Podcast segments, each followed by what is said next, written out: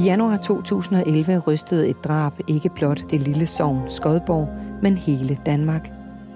En enlig 42-årig landmand blev fundet dræbt, med ansigtet slået ind og halsen delvist skåret over. Liggende i sin egen seng, hjælpeløs og prisgivet.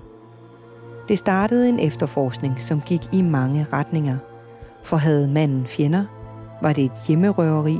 Eller skulle løsningen findes lige for næsen af efterforskerne?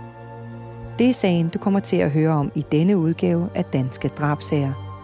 Vi kommer med forsvarsadvokaten på arbejde, da hun tidligt i forløbet blev involveret i sagen.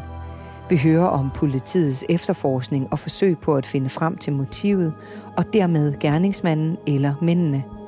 Vi hører om sporsikring og de retsmedicinske undersøgelser, og om hvordan offrets negle kunne afsløre noget særligt om, hvem der stod bag det brutale, blodige drab. I denne episode har jeg sat tidligere drabschef Kurt Krav sammen med forsvarsadvokat Mette Grits Dage, og sammen fortæller de om sagen. Kriminaltekniker Bent Hytholm Jensen og professor i retsmedicin Hans Peter Hågen supplerer med deres ekspertviden. Mit navn er Stine Bolter. Velkommen til podcasten Danske Drabsager, fortalt af de fagfolk, der har været helt tæt på.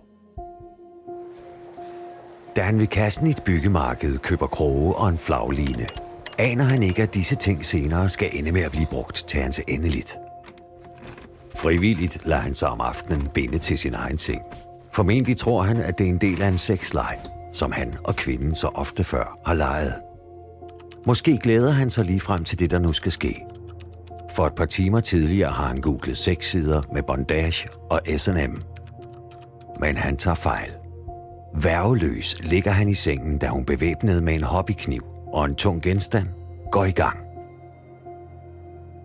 Da en ældre mand bekymret leder efter sin 42-årige søn og finder ham på gårdens første sal, slår han straks alarm. For sønnen er uden tvivl død, dræbt i en blodrus i sit eget soveværelse. Drabet var sket på et tidspunkt mellem den 3. januar kl. ca. 19.15 og den 4. januar kl. ca. 02 på den dræbte skov i den lille sønderjyske by Skodborg. Jeg har selv været i landsbyen, som huser ca. 1300 indbyggere. Smukt landskab, gode mennesker, mørk fortid. For netop dette drab var det tredje i det lille samfund på blot tre år. Medierne strømmede til byen igen. TV2-nyhederne bragte en større reportage, og her blev vicepolitiinspektør ved Syd- og Sønderjyllands politi, Hans Rost, interviewet. Har han fjender, og hvordan går det i forretningslivet, hvordan går det med, med kærlighedslivet. Det er det, vi er ved at finde ud af.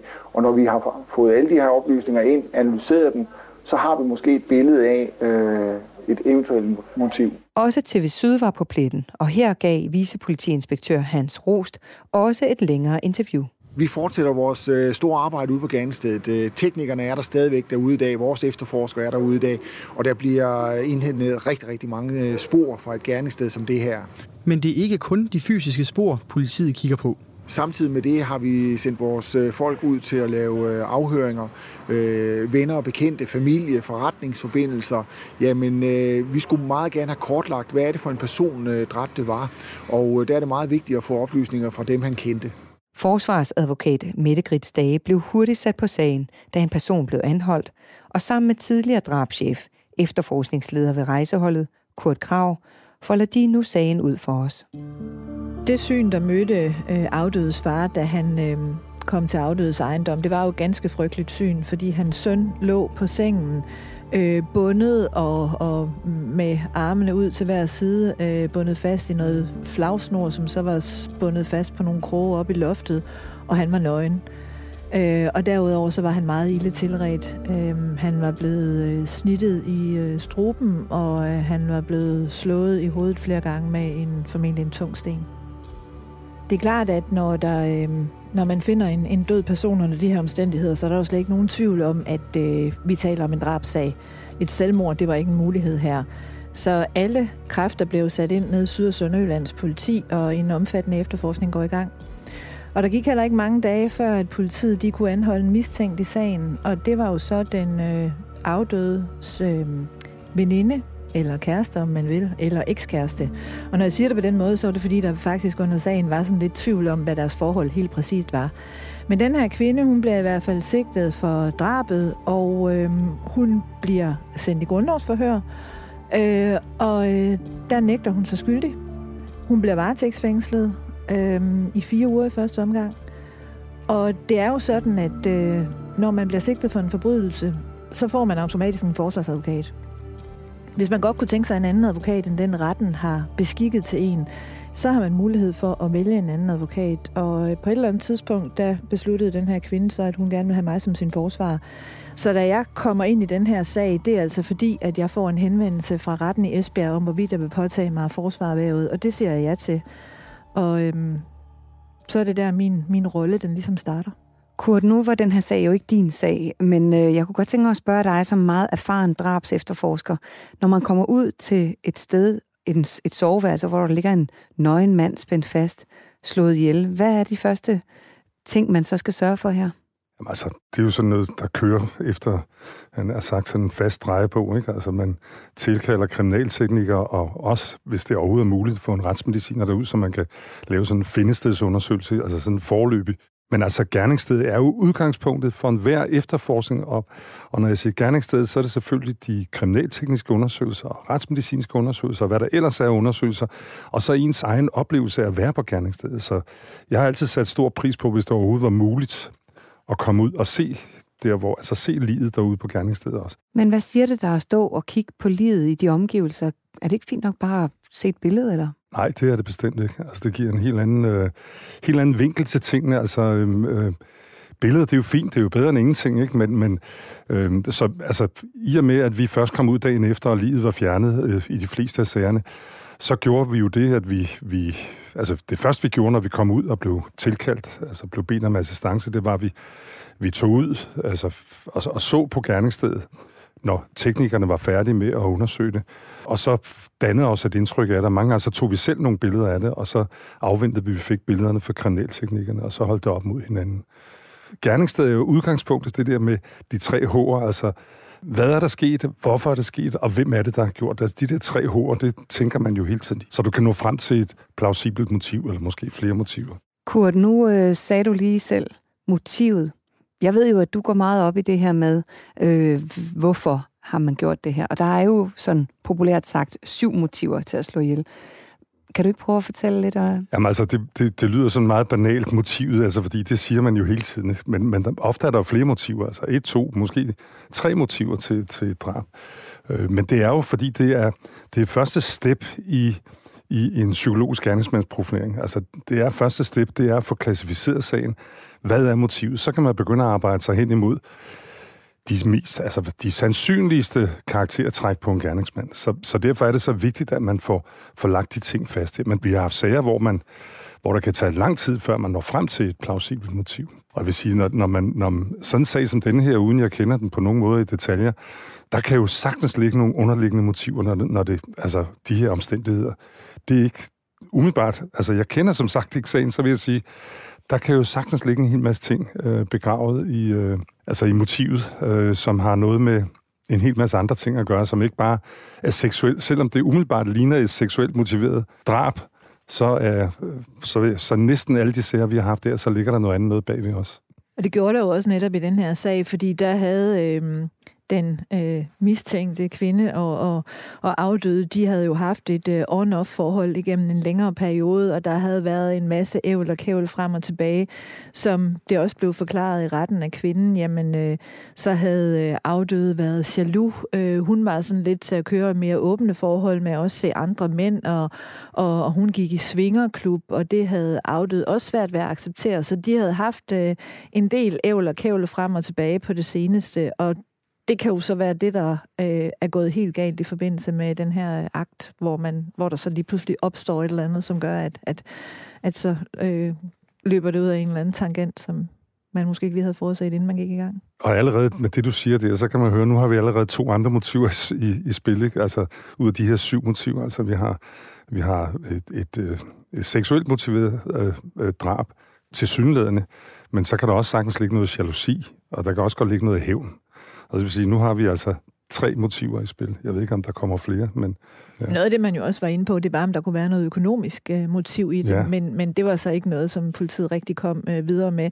Man kan også sige, at uh, min klient, der afdøde, var jo ikke gift, så der var jo ikke noget med, med arv eller noget, men det er jo det, man også ofte ser i, i sager om drab i samlivsforhold. Så kan der være et eller andet med, kan man få noget økonomisk ud af, at den anden bliver slået ihjel. Men mm. det, det, det blev selvfølgelig undersøgt her, men det var ikke noget, der var noget realitet i.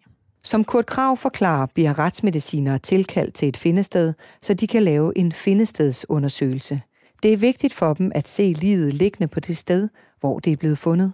Professor i retsmedicin Hans Peter Hågen har stået på utallige findesteder i ind- og udland. Når man er på findestedet, så undersøger man den afdøde i de omgivelser, han blev fundet. Og i dette tilfælde var det også jo alt overvejende sandsynligt, at var her selve drabet var foregået. Så det vil altså sige, i de omgivelser, han døde i. Og når man står med en sag som den her, så kan man tænke, at manden var bagbundet, han lå i sin seng.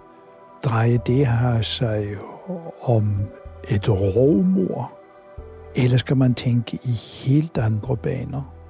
Og det var jo ligesom noget af det første, der gik igennem hovedet på, på retsmedicineren. Og det må jo også være noget af det, politi har overvejet stærkt. Hvilken type sag drejede det her sig om? Hvad var det for, der var grunden til dette drab? Din kollega i Aarhus fik livet ind og skulle foretage en obduktion.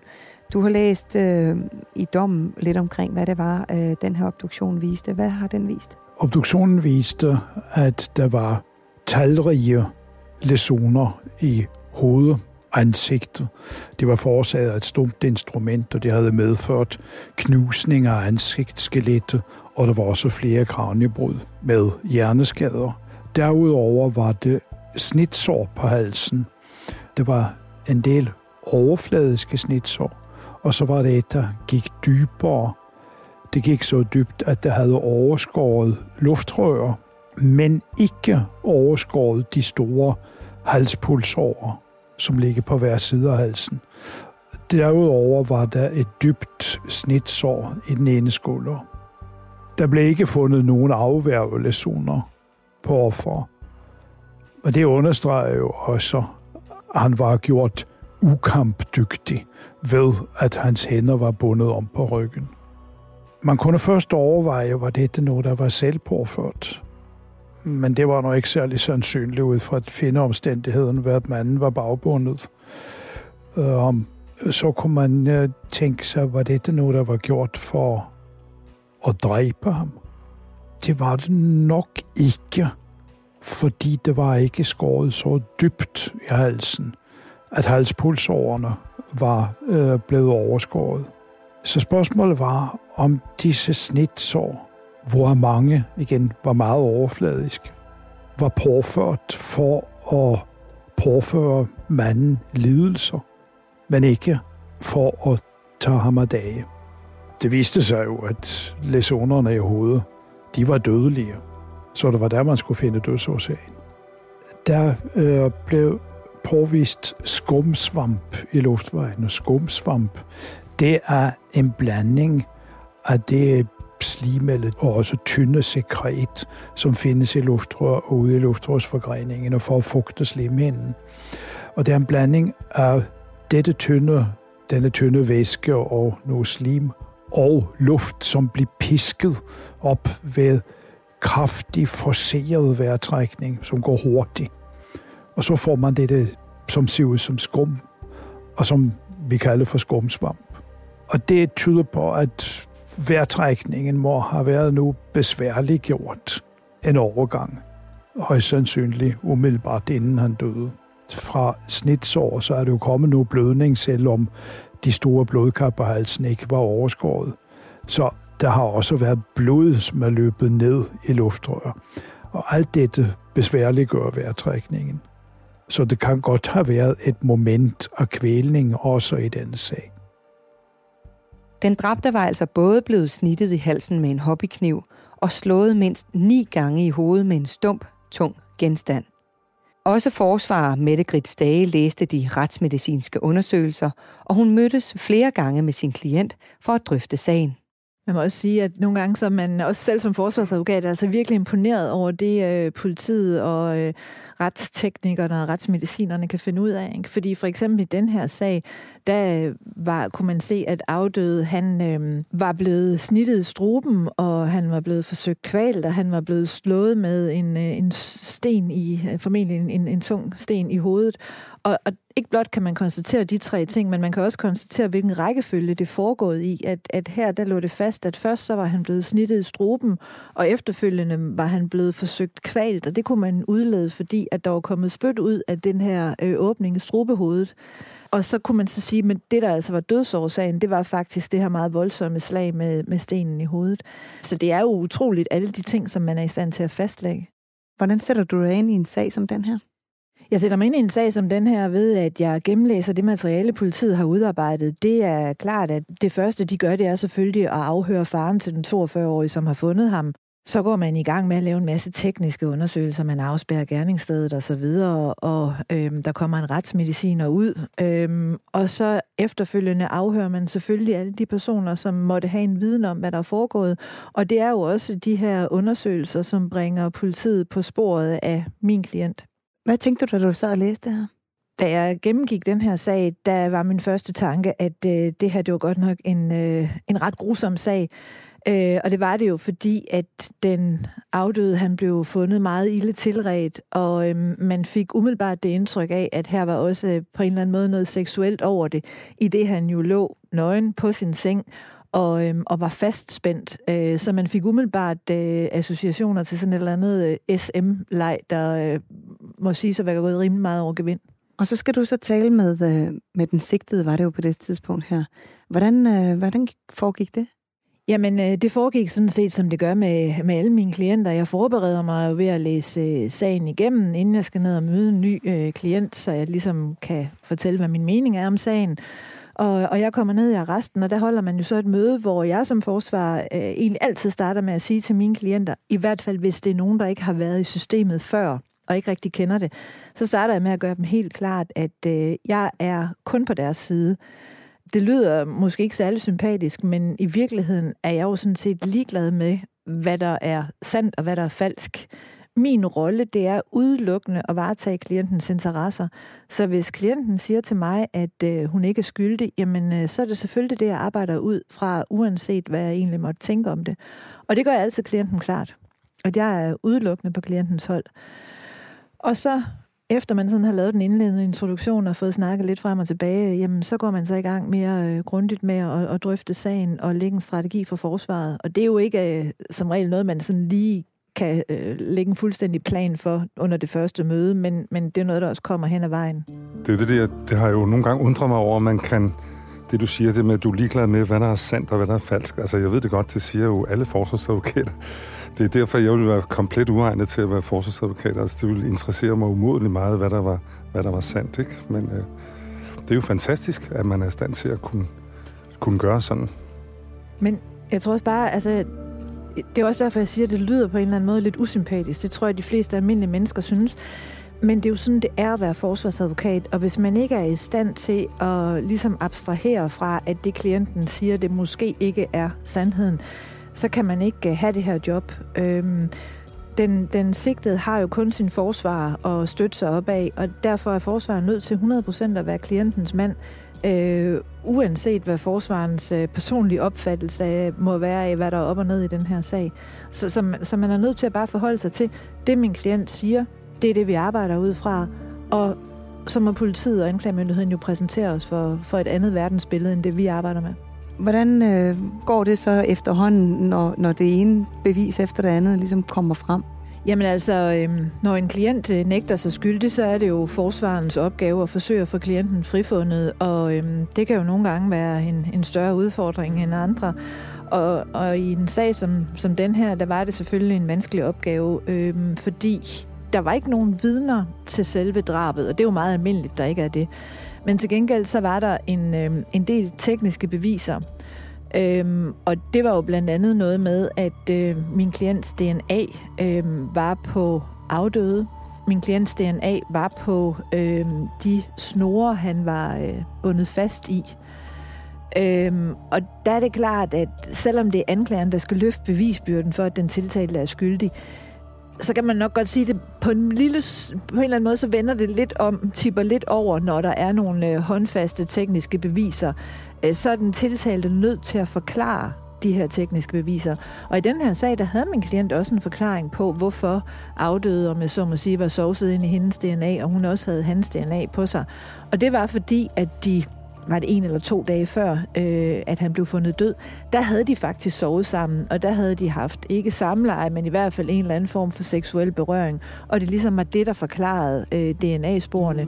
Og for så vidt angår DNA'en på de her snore, jamen så var det fordi, det var noget, de tidligere havde brugt i forbindelse med, at de havde haft noget øh, seksuel omgang. Og, og hun var jo kommet rigtig meget afdødes hjem, så derfor var der jo egentlig heller ikke noget unaturligt i, at hendes DNA var at finde i hans hus. Så, så det var jo noget af det, jeg baserede mit forsvar på, at der var en fornuftig forklaring på det her DNA. Forsøgte hun at, at pege på en anden gerningsmand? Min klient, øh, hun pegede ikke konkret på nogen øh, anden gerningsmand, men hun havde selvfølgelig nogle teorier, øh, som gik på, at, at afdøde han havde haft nogle, øh, nogle uvenner, og, og man kunne selvfølgelig ikke afvise, at der kunne være nogen af dem, der på en eller anden måde kunne have haft en aktie i det her. Men, men det var ikke sådan, at hun navngav en som værende den rigtige gerningsmand. Men var der i den her sag altså en, en så at sige, ukendt gerningsmand, altså, eller var vi derhenne, altså, den der vending med, at man, man kan godt gå med til, at man har medvirket til, til at, at vedkommende er død, eller blevet dræbt, eller, eller var det en ren nægter? Det er ikke mig, der har forårsaget de her skader, der er på ham. Altså det her, det var en ren nægtersag. Min klient, hun øh, nægtede, hun overhovedet har været på, til stede på gerningsstedet øh, på gerningstidspunktet.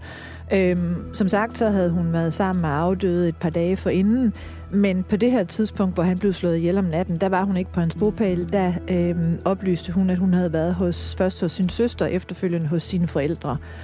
Øh, der var ikke nogen fra familien, der kunne, øh, kunne give hende et skudsikkert alibi. Øh, forældrene forklarede, at de kunne ikke sige præcist, hvornår hun havde forladt øh, deres bopæl. Øh, så derfor kan man sige, det var ikke sådan noget, som, som ligesom holdt i retten. Udgangspunktet vil altid være, når vi afhører dem, der er tættest på, på offeret, eller for den sags skyld også på den mistænkte, det er, at, at vi stoler ikke på alibier der. Altså, og slet ikke afgivet af er kærester eller mødre, især mødre. Øh, jeg plejer at sige sådan lidt provokerende, at mødre er per definition løgnagtige. Altså, de, dem stoler jeg slet ikke på, eller slet ikke, hvis det er sønner, mere eller mindre bevidst, så, øh, så tilsidesætter de alt sund fornuft. Men altså, det, det skal enhver politimand vide, ikke, når han prøver på at, at lægge alibi på en mistænkt. Det er jo lige præcis noget, der irriterer en forsvarsadvokat helt enormt meget at høre det her, som Kurt han siger nu, fordi jeg er helt klar over, at politi og anklagemyndighed, de ikke giver meget for vidneforklaringer alibier fra pårørende. Men det er jo altså sådan, at når en tiltal siger, at jeg har været sammen med for eksempel min kæreste, så det er jo sådan relativt sandsynligt, at han har været sammen med sin kæreste, fordi man er jo typisk meget sammen med sine pårørende. Så det der med, at man på forhånd siger, jamen pårørende, de er bare per definition utroværdige, det synes jeg er ret uhensigtsmæssigt, øh, fordi det er jo sædvanligvis dem, der netop kan give klienten et alibi. Jamen, det skal også forstås på den måde, altså fordi, når, når vi har foretaget de her alibi-afhøringer, så har vi selvfølgelig gjort det objektivt. Men når jeg har sagt de her meget sådan provokerende ting, så har det været nye, uerfarne efterforskere, der kommer glædestrål hjem og siger, det er ikke ham, for jeg har et alibi. Hans mor siger sådan og sådan, eller hans kæreste. Så har jeg altid sagt, ved du hvad, nu skal du høre, per definition, så stoler vi altså ikke på, på den slags alibier. Du er nødt til at gøre det bedre. Du må finde noget andet også. Ikke? Så det er sådan været for, fordi vi jo har masser af eksempler på, at især mødre, de, jeg vil ikke sige, de lyver, men, men de overser vigtige detaljer, eller ting, der kan mistænkeliggøre. Men i den her sag, der var min klients mor jo netop inde og, og afgive vidneforklaring, og det er jo heller ikke nogen øh, rar situation for, for sådan en mor, som bliver hævet ind, og som jo et eller andet sted selvfølgelig gerne vil hjælpe sin datter, men som også er en, en, en god samfundsborger, og ikke på nogen måde vil sige noget, hun ikke kan stå inden for. Øhm, så, så man står virkelig i et dilemma, og det er jo også derfor, at, øh, at loven er på den måde, at hvis man er nærtstående til en tiltalt, jamen så har man som udgangspunkt ikke pligt til at udtale sig. Så kan man så i visse situationer, for eksempel i en drabsag, som jo er meget alvorlig, alligevel blive pålagt at skulle afgive vidneforklaring. Men det er et dilemma. Jeg tænkte også på nu det her med et gerningssted, hvor at, at den mistænkte, altså den, den sigtede, har en tæt relation både til personen, der er fundet død, men også til selve gerningsstedet. Og som du var inde på her, altså det her med, at der er fundet DNA, både på nogle snore og nogle bånd, øh, som, som øh, kom fra den sigtede. Ikke? Altså, det kan ikke bruges til ret meget, øh, fordi man kan jo have fået, man kan jo have påført den DNA i alle mulige andre sammenhæng. Og det er generelt et stort problem på, på gerningssteder, hvis, hvis den mistænkte, den sigtede, har en relation dertil. Hej Danmark, Patrick på Gekkas Øllered her. Hvornår har du planlagt din næste tur til Skandinaviens største varehus? På Gekås i Ullared kan du shoppe og overnatte til fantastisk lave priser. Hvornår kommer du? Shoppa, bo och umgås på Gekås Ullared. Skal man have stor kørekort for at blive det der transportbetjent? Nej, men du skal have haft kørekort i tre år. Og hvad med skole? Er der meget af det? Selve uddannelsen, den tager to år, men skolen, det er kun tre måneder, og resten af tiden, det er praktik. Det er ikke dumt. Men det er lang tid at være på SU. Nej, du får fuld den i begge år. Seriøst? Fedt! Vil du også arbejde med indsatte og bidrage til mindre kriminalitet i samfundet? Så søg ind på uddannelsen til transportbetjent senest 21. maj. Eller læs mere på blivtransportbetjent.dk. Ej, det er så spændende. Jeg tror aldrig, jeg har haft den her følelse før i kroppen. Bachelorette er tilbage. Jeg går helt i panik. Jeg kan ikke sige det navn, som skal have min sidste rose. Ja, men det er dit værd. Ikke også? Bachelorette. Lige nu på TV2 Play. Jeg kommer bare til at nyde hvert sekund af det.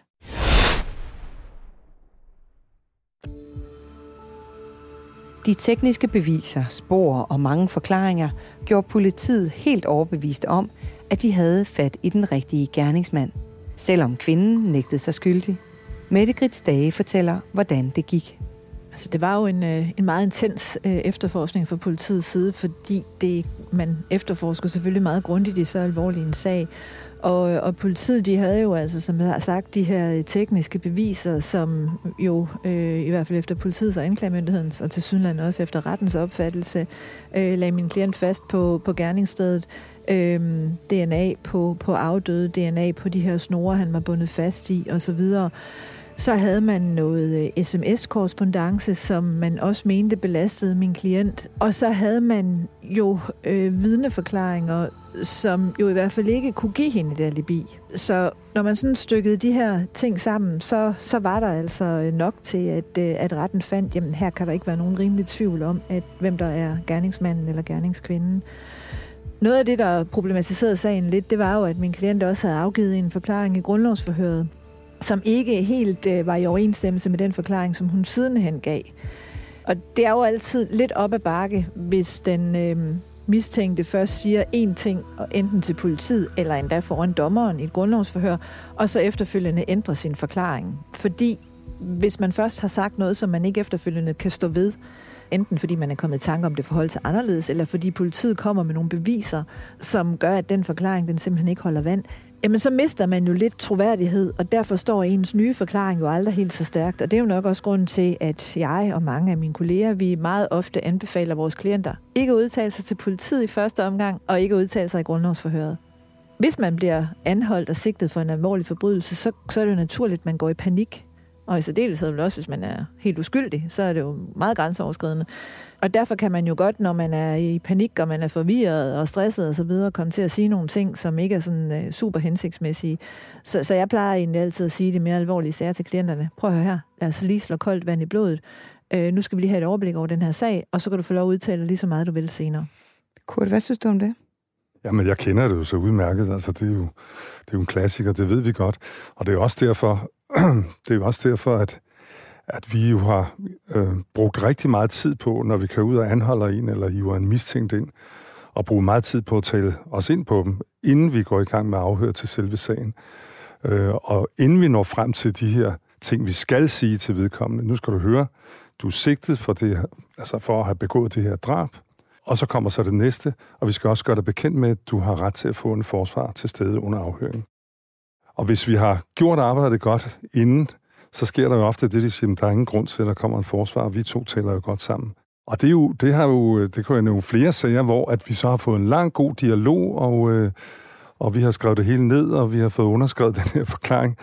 Og så kommer grundlovsforhøret, og så kommer der en forsvar på og det har der givet anledning til lidt ballade engang, men altså, vi har overholdt bestemmelserne, vi har fået en tilståelse, og vi har fået en forklaring, som vi sørger jo altid for at binde tingene op. Altså, der er mange, der tror, at bare vi får tilståelsen, så er det godt nok. Altså, hvis der kommer en tilståelse, så skal der altså også komme nogle detaljer fra den sigtede, som gør, at vi ikke bare vi, men også senere i retten, at man med sikkerhed kan sige, så må det være ham eller hende, der har gjort det. Altså, det er så afgørende. Så det har vi været meget, meget bevidste om.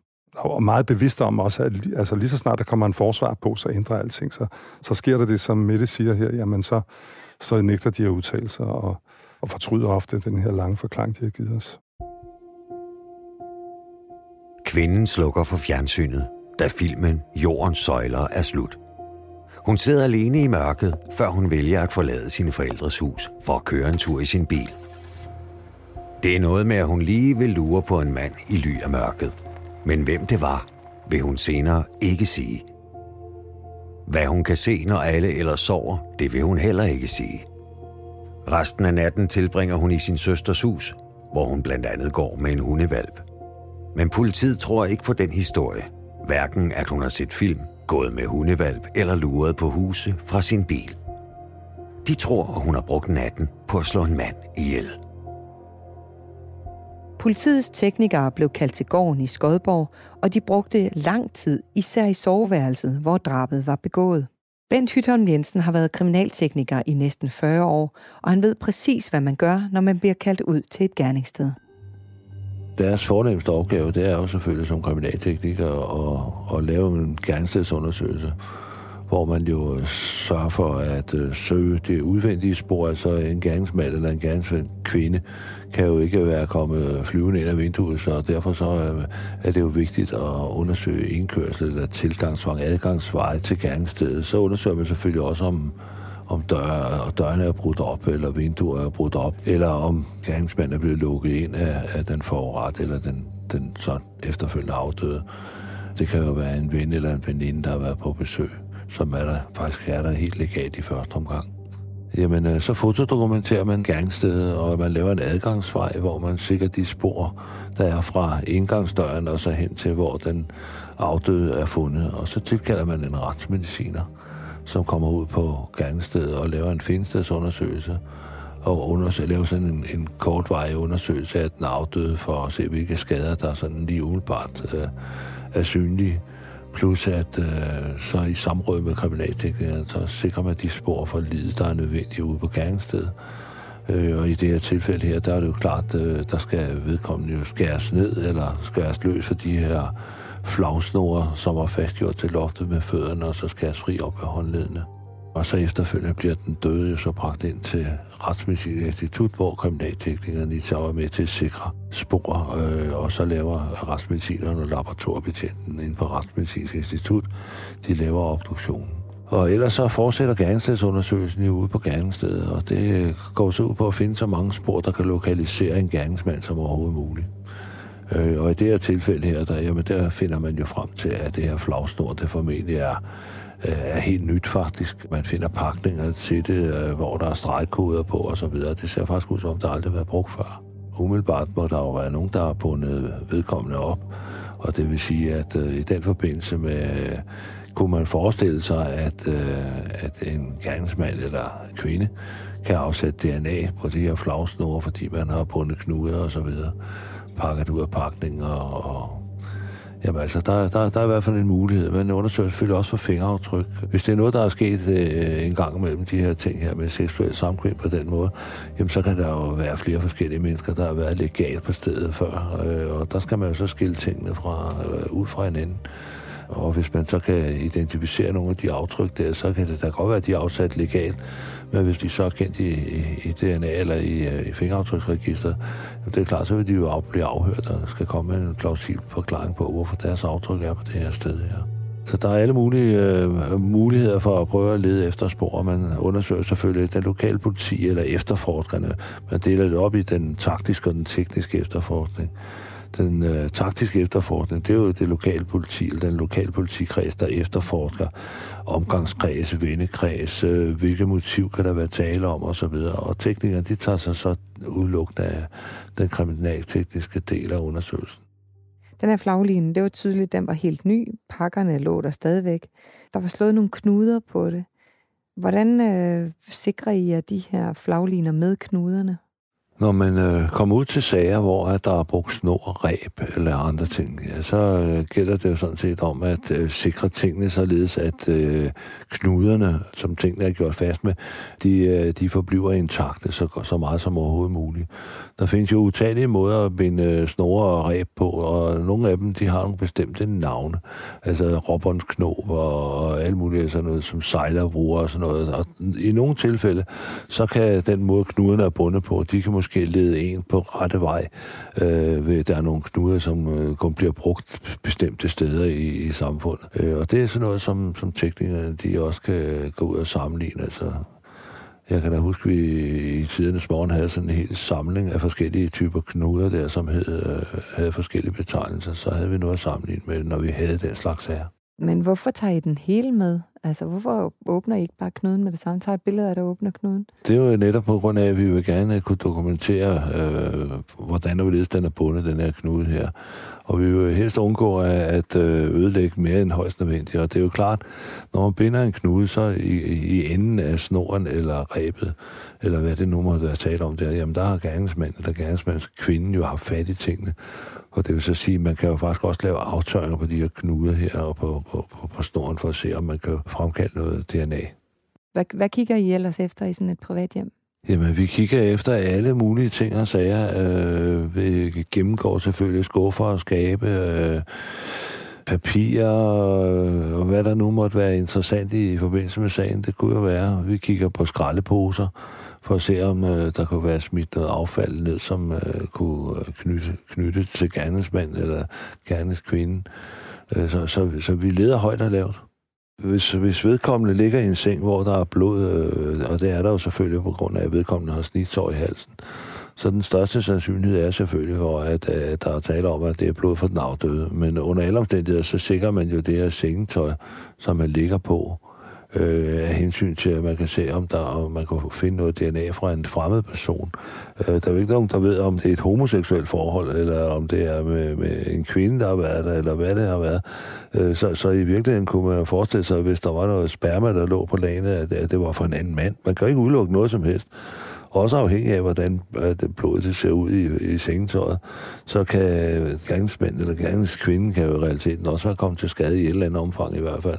Kan ved et uheld kan have snittet sig selv med, med den her kniv og drøbe ned. Så det ikke kun er den, den afdødes blod, der findes øh, på stedet. Altså det, det, det, det er alt sammen en skøn sag om, øh, hvor meget man vil sikre, og hvor meget man vil tage ind til undersøgelser.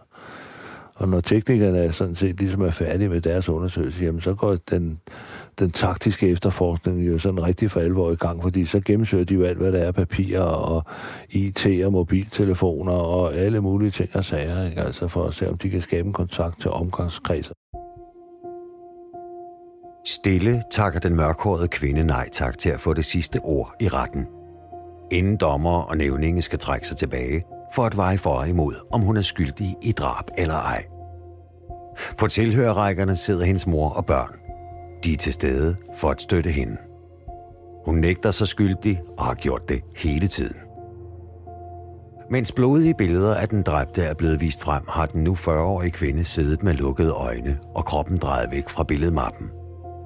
Væk fra virkelighedens ubærlige grusomhed. Væk fra den mand, hun havde kendt i så mange år, men som nu var uigenkendelig, indsmurt i sit eget blod og med et knust kranje. Lidt over et år efter drabet i Skodborg startede retssagen den 12. januar 2012 ved retten i Esbjerg.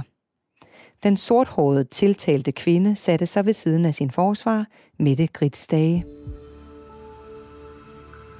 Da sagen kom for retten, der nægtede min klient sig fortsat skyldig, som hun havde gjort under hele forløbet. Og øhm, det er jo anklageren, der skal løfte bevisbyrden, og det skal man gøre på en sådan måde, at der ikke må være nogen rimelig tvivl om, at den tiltalte er skyldig.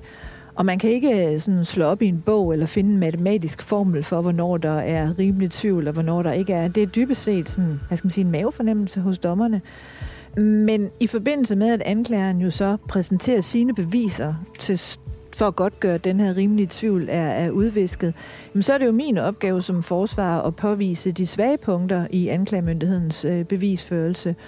Og, og under proceduren, der gør jeg selvfølgelig et stort nummer ud af, at jeg mente, at øh, min klients forklaring var troværdig, og øh, at jeg mente, at øh, retten skulle være meget opmærksom på det her med, at der ikke var nogen vidner, der havde set, hvad der var foregået. Der var ikke nogen, der havde set min klient forlade stedet med, med blod på sig. Øh, og der var heller ikke nogen, der havde talt med min klient efterfølgende, hvor hun havde fortalt om, hvad hun havde gjort. Så det var jo egentlig grundlæggende en sag, der byggede på tekniske beviser, og der var det altså mit synspunkt, at det var simpelthen ikke nok til, at der ikke var nogen rimelig tvivl, når den tiltalte nægtede sig skyldig. Og det er jo, når man lever i et retssamfund, så er det jo en, en ja, dybest set en katastrofe, hvis der er nogen, der bliver dømt for noget, de ikke har gjort. Og det gælder jo i princippet uanset, hvad det er, men det er klart, at at blive dømt for et drab, man ikke har begået, det vil jo være ganske katastrofalt. Så derfor er det jo kun godt, at, øh, at der ikke må være den her rimelige tvivl. Og øh, hvad endte sagen så med i retten? Jamen, øh, sagen den endte jo desværre med, at øh, dommer og nævninger, både by og landsret, de var øh, fulde af anklagemyndighedens synspunkt og mente altså, at der var tilstrækkelige beviser til at dømme min klient. Så man kan sige, at øh, det jeg sagde, det var ikke rigtig noget, der vandt gehør på nogen måde. Min klient hun blev straffet med fængsel i 13 år, og øh, det gjorde hun altså uanset, at udgangspunktet for et drab, det er 12 års fængsel. Men det er således, at i straffeloven, der er der nogle paragrafer om, hvad der kan være skærpende omstændigheder, og de paragrafer blev bragt i anvendelse i den her sag. Øh, det retten lagde vægt på, det var, at det her drab, det var nøje planlagt og udført med en øh, helt særlig hensynsløshed. Og man mente, at det var bevist, at min klient, hun havde, øh, hun havde simpelthen udnyttet, at afdøde, han var meget glad for hende, og han havde tillid til hende. Og, øhm, og, og hun havde så, efter rettens opfattelse, under foregiven af, at nu skulle de have noget seksuelt samvær, så havde hun øh, sendt ham over i øh, et byggemarked for at indkøbe kroge og den her flagline, som han var blevet bundet fast med. Og han havde også været ude og købe smørbrød, de skulle øh, hygge sig med, inden de skulle i gang med det her. Øhm, og, og det var jo altså planlægningselementet. Og for så vidt angår selve drabet, der mente retten, at det var udført med en meget stor beslutsomhed og brutalitet. Øh, først så havde hun øh, efter rettens opfattelse snittet ham i halsen, og så havde hun jo så forsøgt at kvæle ham med at tildække hans luftveje. Og til sidst så havde han fået hele ni slag med, med et stumt instrument, altså formentlig en, en sten. Øhm, og man kunne også ud fra retsmedicinernes undersøgelse lægge til grund, at øh, de her slag, det havde været med en meget betydelig kraft, at der var blevet slået. Så de her omstændigheder samlet set, de gjorde, at man sagde, at det her drab, det skal simpelthen give et år mere end udgangspunktet. Og der skal faktisk relativt meget til, før at man går over eller under 12 år. Hvad betyder det, at øh, man så nægter sig skyldig, og øh, man som forsvar kan se vedkommende gå øh, 13 års fængsel i møde? Jamen altså, det er selvfølgelig ikke tilfredsstillende, fordi øhm, når man har en klient, der nægter sig skyldig, så er succeskriteriet jo, at klienten bliver frifundet. Øhm, og når man så ender med, at klienten får 13 år, så, så er det jo ikke ligefrem super godt. Øhm, det vi jo gjorde i første omgang, det var, at vi ankede den. Man har jo altid to skud i bøssen, og det kom der som sagt heller ikke noget ud af. Og så er det jo selvfølgelig sådan en, en lidt mærkelig øh, oplevelse, det der med at skulle sige farvel til en klient, som nu står med 13 år, og som måske havde forventet, at jeg kunne få hende frifundet. Men, men altså, det er jo bare name of the game, og, øhm, og, og som forsvarer, så er man jo nødt til at bare op på hesten igen, ikke? fordi der står en øh, ny klient, der har brug for ens hjælp dagen efter, så nytter det jo ikke noget, at man hænger med skuffen og ikke er klar til at kæmpe for den klient. Så, så sådan et nederlag må man jo altså rimelig hurtigt ryste af sig som forsvar. Det er klart, at øh, den tiltalte kan jo ikke bare lige ryste af sig, men, øh, men, men for mig der er det jo trods alt et arbejde. Men nu må man jo, altså jeg synes jo bare, at man må forholde sig så til, at nu har både by og landsret øh, dømt hende, øh, og det vil sige, så er det hende, der har gjort det. Så kan jeg jo ikke lade være med stadigvæk at, at tænke i, altså, hvorfor har hun gjort det? Altså, hvad er så for at, at komme tilbage til det, jeg startede med at sige? Altså, hvad er det underliggende motiv til, at hun skal dræbe ham? Er det bare en sexleje, der er gået over gevind, eller er der noget vrede, altså, som måske kan hentes i, i, i det forhold, de havde til hinanden? Altså, hvad ved jeg? Men det ved du meget mere om. Altså, men det er måske ikke noget, man har boret i sådan rigtigt. Nej, men jeg vil også sige, altså, øhm, som forsvarsadvokat, så er det heller ikke noget, jeg sådan går og tænker så meget om øh, efterfølgende, og i hvert fald ikke noget, jeg sådan udtaler mig om, fordi det er jo også derfor, at du hører mig sige, at øh, retten var den opfattelse, at hun havde gjort det ene og det andet. Ikke? Og det er jo noget med, at man, man har jo et, øh, et, et, et tillidsforhold mellem forsvar og klient, og så synes jeg ikke, at man bagefter som forsvarsadvokat, øh, ligesom selvom retten har talt både by og landsret, så synes jeg ikke, man skal gå ud og, og, og, og ligesom anerkende det, øh, og begynde at bore i, hvad har så været den nærmere baggrund. Det, det synes jeg på en eller anden måde, at det vil være svigt ens klient. Så den slags plejer jeg egentlig at afholde mig fra. Nå, jamen det forstår jeg godt, men, men jeg tænkte på, at politiet må der have foretaget nogle afhøringer omkring deres samliv, altså deres, hvad der er foregået. Altså, den minder mig jo om, om en sag fra Randers fra 1990, hvor øh, en mand bliver fundet dræbt i et bur, lænket med håndjern, og, og den her mand, han, øh, han var kendt for at dyrke SM med sin kæreste, men også andre. Han var for øvrigt også kendt for at være meget udfarende og meget voldelig ude i nattelivet ude i, i Randers. Dødsårsagen viser, at det var øh, talrige knivlæsioner. Kort tid efter blev hans samlever anholdt og sigtet for drabet. Øh, vi havde en af vores bedste øh, folk på, øh, som, som afhørte hende og fik, hende et meget, fik et meget tæt forhold til hende, øh, således at hun til sidst øh, besluttede sig for at tilstå, at det var hende, der havde gjort det.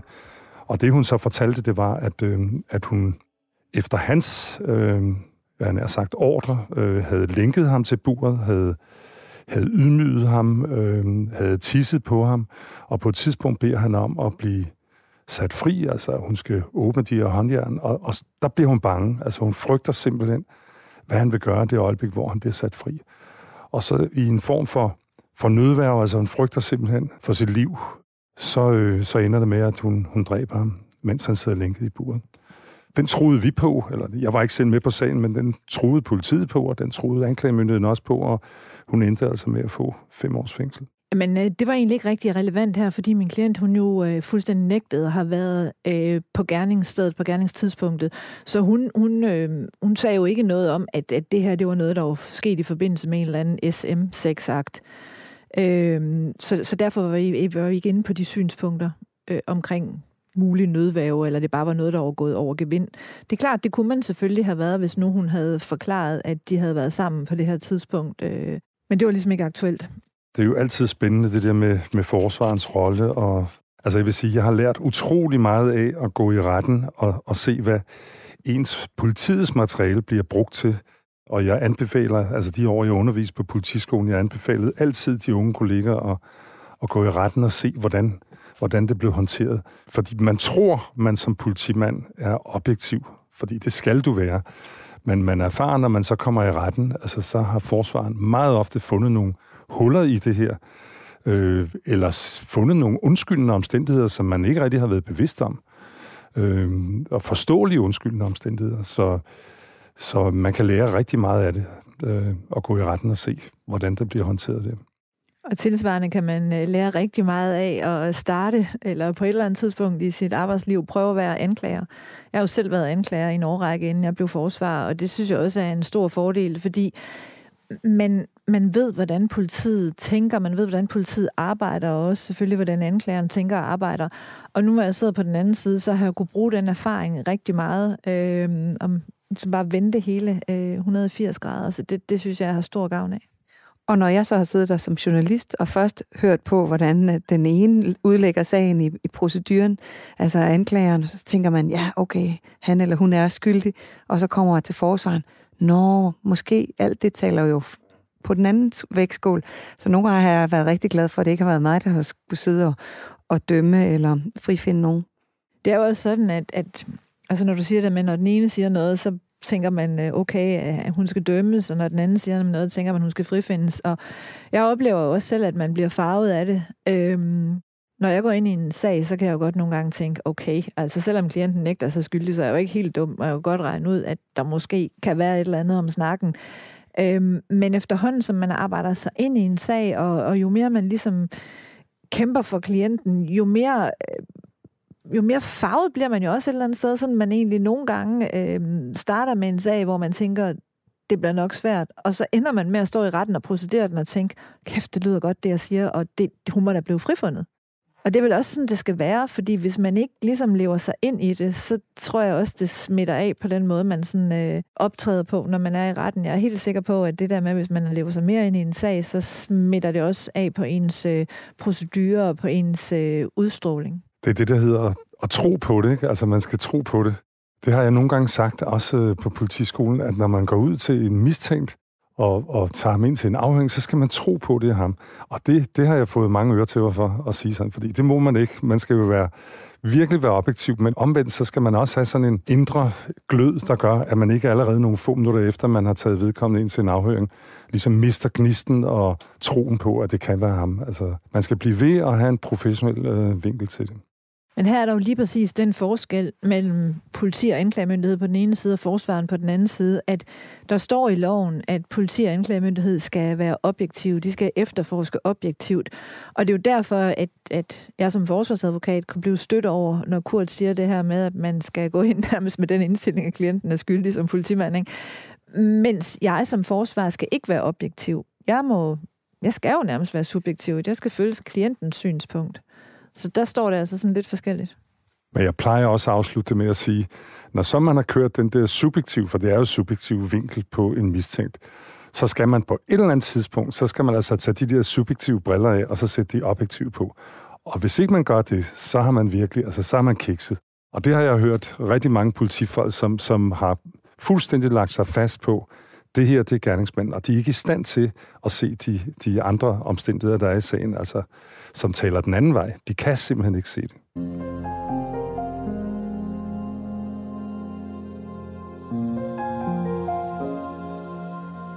Jeg har dækket mange drabsager i de næsten 20 år, jeg har været kriminalreporter. Men det er meget usædvanligt, at den, der har begået drab, er en kvinde. Gerningsmanden er næsten altid en mand. Hvorfor det er sådan, er der flere grunde til, men faktum er, at ca. 88 procent af alle drab i Danmark bliver begået af en mand. Sagen her var der også den eneste drabsag, som den erfarne forsvarsadvokat Mette Grits Dage indtil da havde haft med en kvindelig drabstiltalt. Tak til forsvarer Mette Grits Dage, tidligere drabschef Kurt Krav, retsmediciner Hans Peter Hågen og kriminaltekniker Bent Hytholm Jensen for jeres fortælling. Speaks indtalt af Henrik Forsum, klippet af Rasmus Svinger, tilrettelagt af anne Cecilie Gernøks, redaktør Rune Born Svarts og produceret af Bauer Media og True Crime Agency. Mit navn er Stine Bolter. Tak fordi du lyttede med.